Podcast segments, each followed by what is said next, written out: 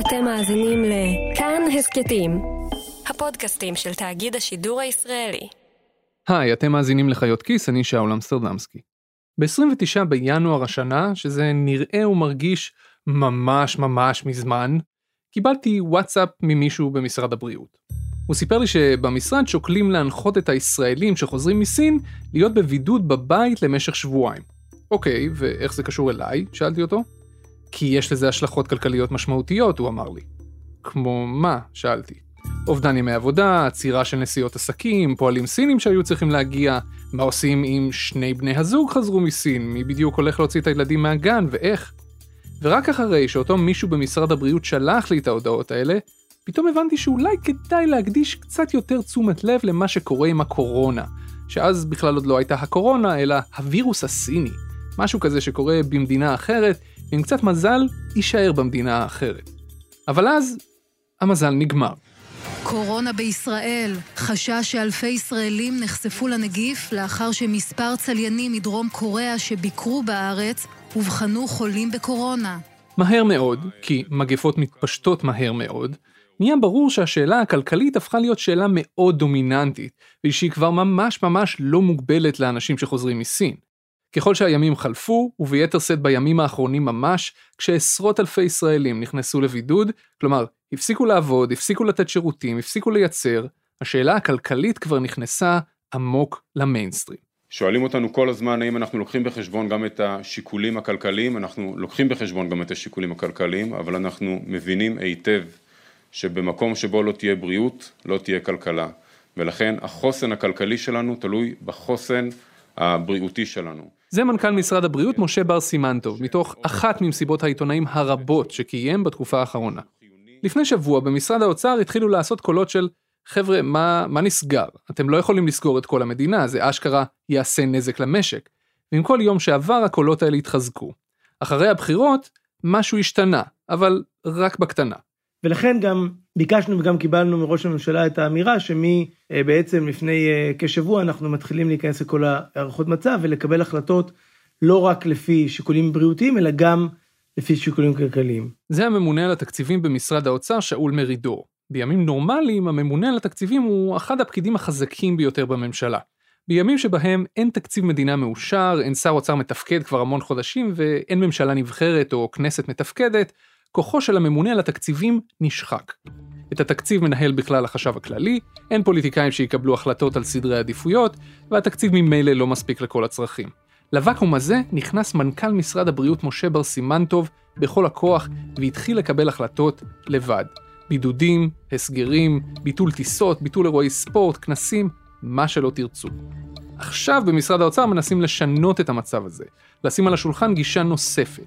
גישה שאומרת שעם כל הכבוד לניסיון להכיל את ההתפשטות של המגפה ולמנוע אותה, כשנגיע למספרים גדולים מדי, השיקולים הכלכליים צריכים לגבור.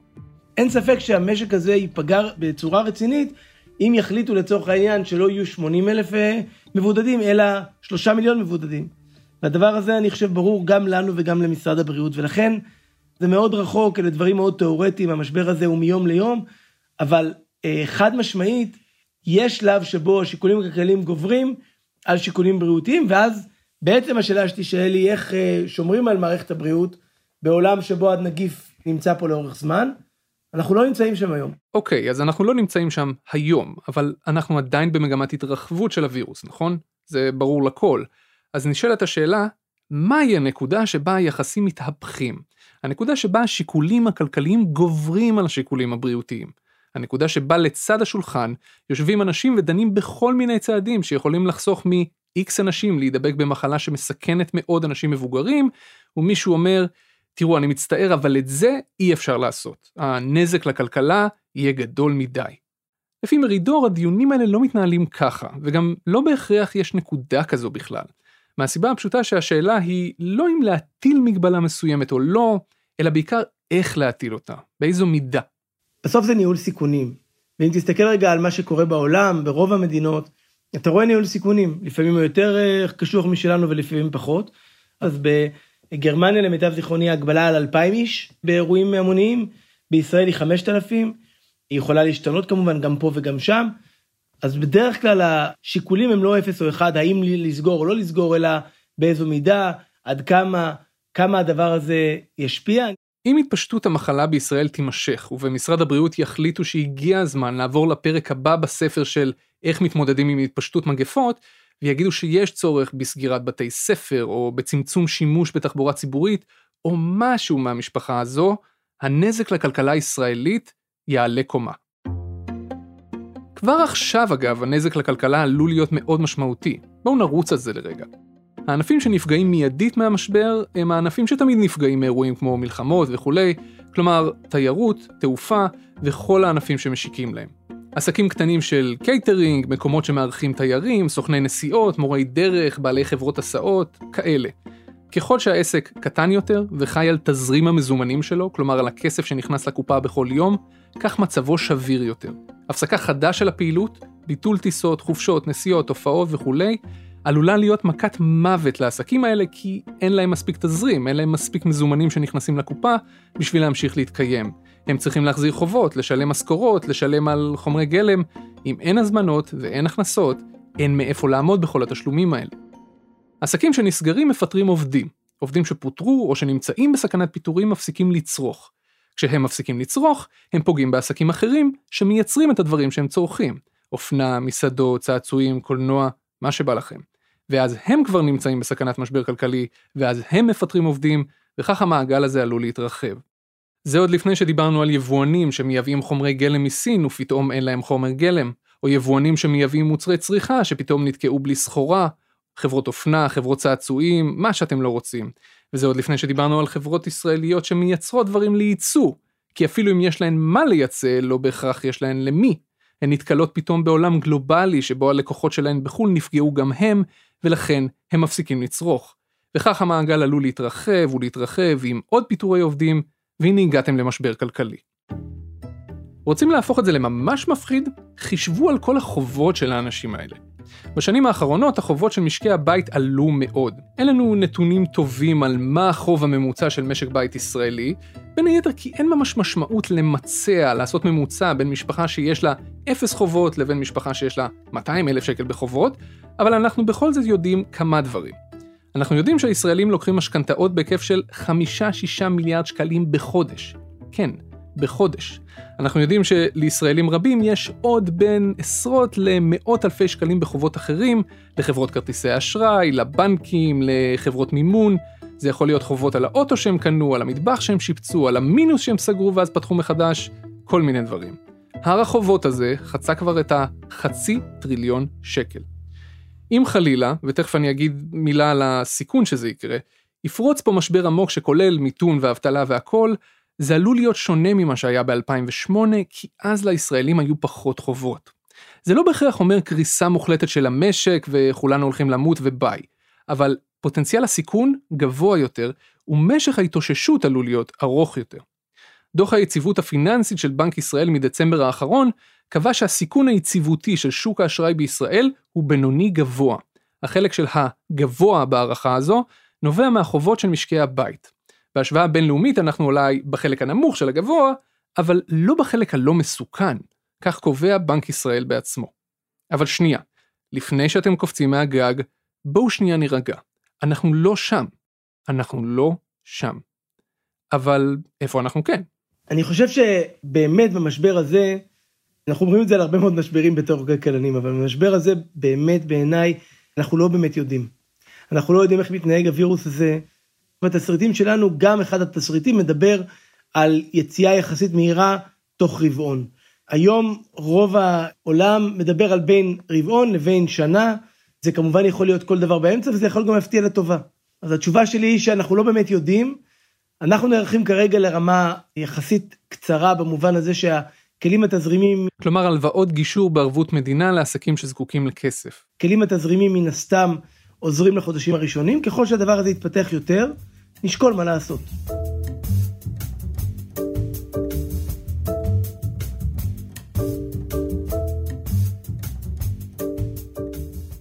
איך הגענו בכלל למצב תקדימי שכל הכלכלה הגלובלית מאוימת בגלל הווירוס הזה?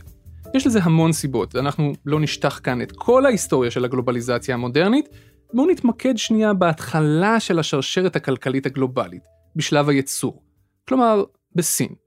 הטיסות מסין התבטלו לחלוטין, והתיירות הסינית בעולם כולו פסקה באחת. לנגיף החדש מסוג קורונה יש השלכות עצומות על התיירות, כוח הקנייה... כבר בשלב הראשון של ההתפרצות, כשהיא הייתה עדיין מוגבלת לסין, היה ברור שגם אם הווירוס עצמו לא יגיע למערב, ההשפעות הכלכליות דווקא יגיעו. I go to China a lot, and I recently had brought a class to China the first week of January. זה פרופסור ווילי שי, מבית הספר למנהל עסקים של הרווארד. הוא מתמחה בשרשרת הייצור והאספקה העולמית. בינואר האחרון, במסגרת קורס שהוא מלמד באוניברסיטה, שי לקח את הסטודנטים שלו לביקור בערי התעשייה הגדולות של סין. הם לא היו בווהאן, העיר שבה התגלה הנגיף לראשונה, אבל הם היו באזורים אחרים. ושם, בתחילת ינואר, הוא ראה את הכל בעיניים. מפעלים מושבתים עמדו ריקים, ערים שלמות היו בהסגר, כלכלה שלמה הפסיקה לעבוד. הוא ראה את העתיד.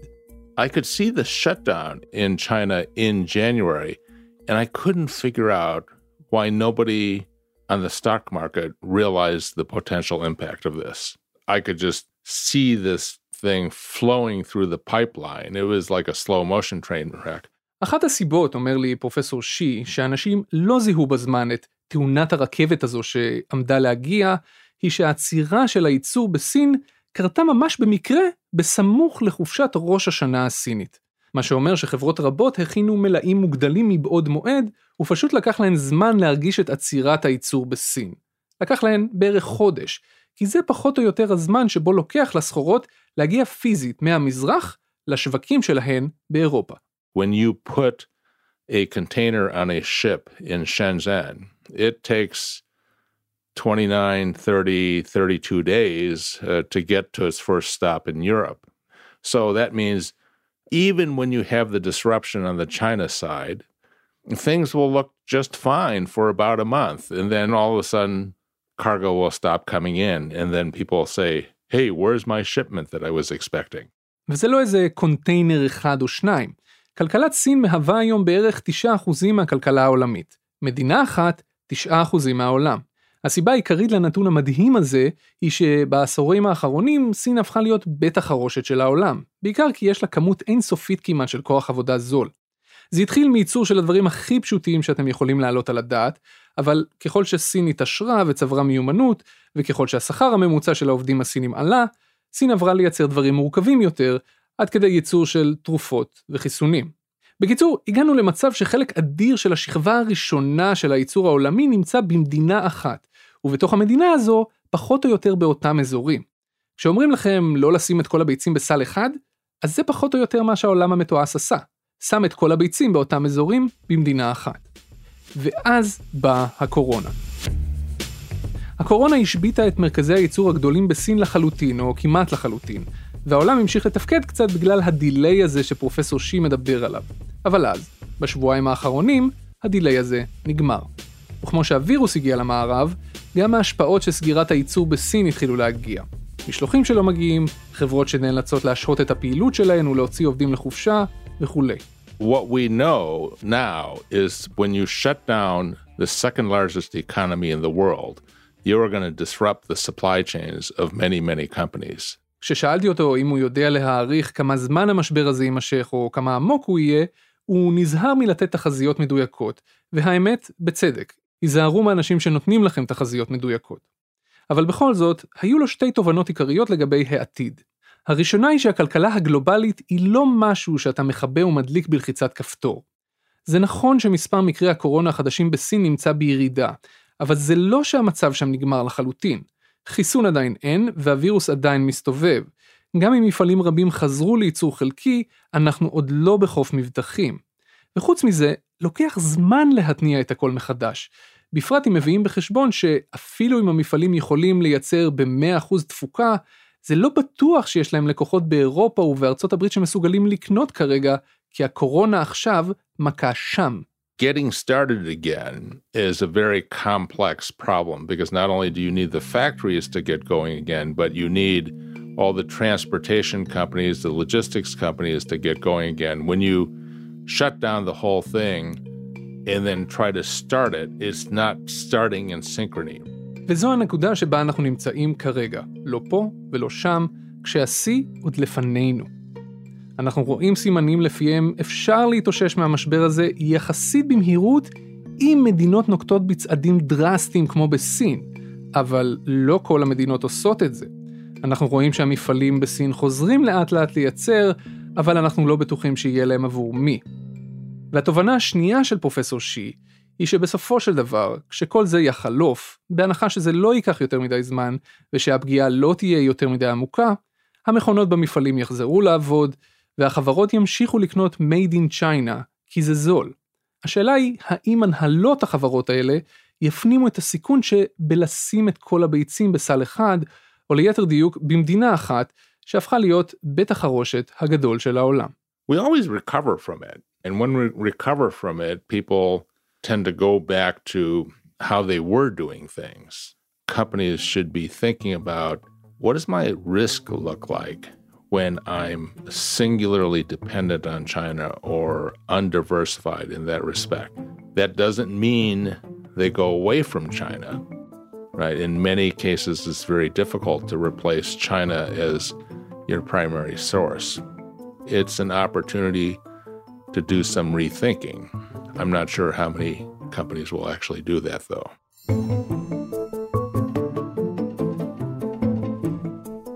בחזרה לישראל. מדובר באירוע מתגלגל, וקיימת אי ודאות גדולה באשר להמשך התפשטות הנגיף והמשמעויות הנובעות מכך. יחד עם זאת, כאשר תיבלם התפשטות הנגיף, צפויה חזרה של התוצר לתוואי ששרר לפני המשבר, והדבר יתבטא בהאצה זמנית בצמיחה. כפי שנגיד בנק ישראל אומר, וכפי שגם הבהיר לי הממונה על התקציבים שאול מרידור, החשש הגדול באמת הוא לא ההאטה הכלכלית המקומית בישראל, כי זו אמורה להיפתר ברגע שהקורונה תהיה מאחורינו, ואנשים יחזרו לעשות עסקים והכל יצמח וכולי. בנק ישראל מעריך כרגע שהפגיעה בכלכלה הישראלית תהיה בקצת פחות מאחוז תוצר אחד, שזה לא מעט, אבל זה עדיין משאיר את הצמיחה שלנו על יותר משני אחוזים. כל עוד מדובר במשק הישראלי בלבד, לממשלה גם יש כלים לסייע לכלכלה. הקלות מס זמניות, דחיית תשלומי מיסים, הלוואות גישור לעצמאים, דמי אבטלה מוגדלים למשך יותר זמן, השקעה ממשלתית גדולה יותר בתשתיות בשביל לעורר ביקושים, כל מיני כאלה. זה מה שעשינו בעבר, סביר מאוד להניח שזה מה שהממשלה תנסה לעשות שוב, אם תזדקק לכך.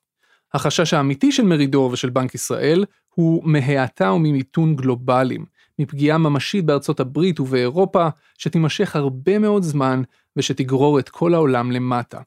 גם בתקופת המאבק בהתפשטות הווירוס, אבל גם אחרי זה, כשהעולם כבר ינסה להתאושש. זה עלול לקחת זמן. אם התסריט הזה חלילה יתממש, אז לממשלה בישראל יהיה מעט יחסית מה לעשות עם זה. מצד שני, זה מה שקרה ב-2008, ועברנו את זה די בסדר, חוץ ממחירי הדיור. לפי מרידור, אם באמת הקורונה תתפתח בסוף למשבר כלכלי גלובלי, מעשה ידי אדם או לא, לפחות המשק הישראלי נכנס אליו בצורה הכי טובה שיש, הוא אומר לי. האבטלה בשפל, הצמיחה בסדר, עדיף להיכנס למשבר ככה, מאשר עם אבטלה גבוהה, כמו במדינות אחרות. אז תתנחמו בזה, שנתוני המקרו טובים. וזה נכון בעיקרון, חוץ מהעניין הקטן הזה של הגירעון הממשלתי. הגירעון הממשלתי שעוד לפני הקורונה עמד על בערך 4% מהתוצר. אם חלילה באמת יתפתח משבר כלכלי, המשמעות תהיה שהגירעון יזנק לרמות מאוד גבוהות, 6%, אולי אפילו יותר.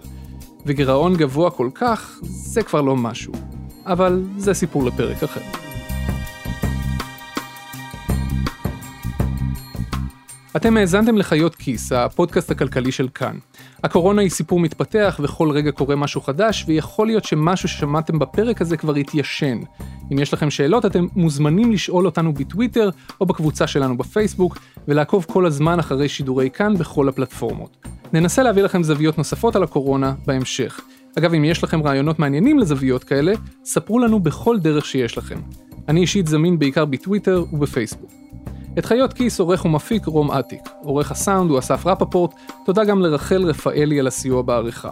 במערכת חברות גם צליל אברהם ודנה פרנק. אני שאול אמסטרדמסקי, תודה רבה שהאזנתם.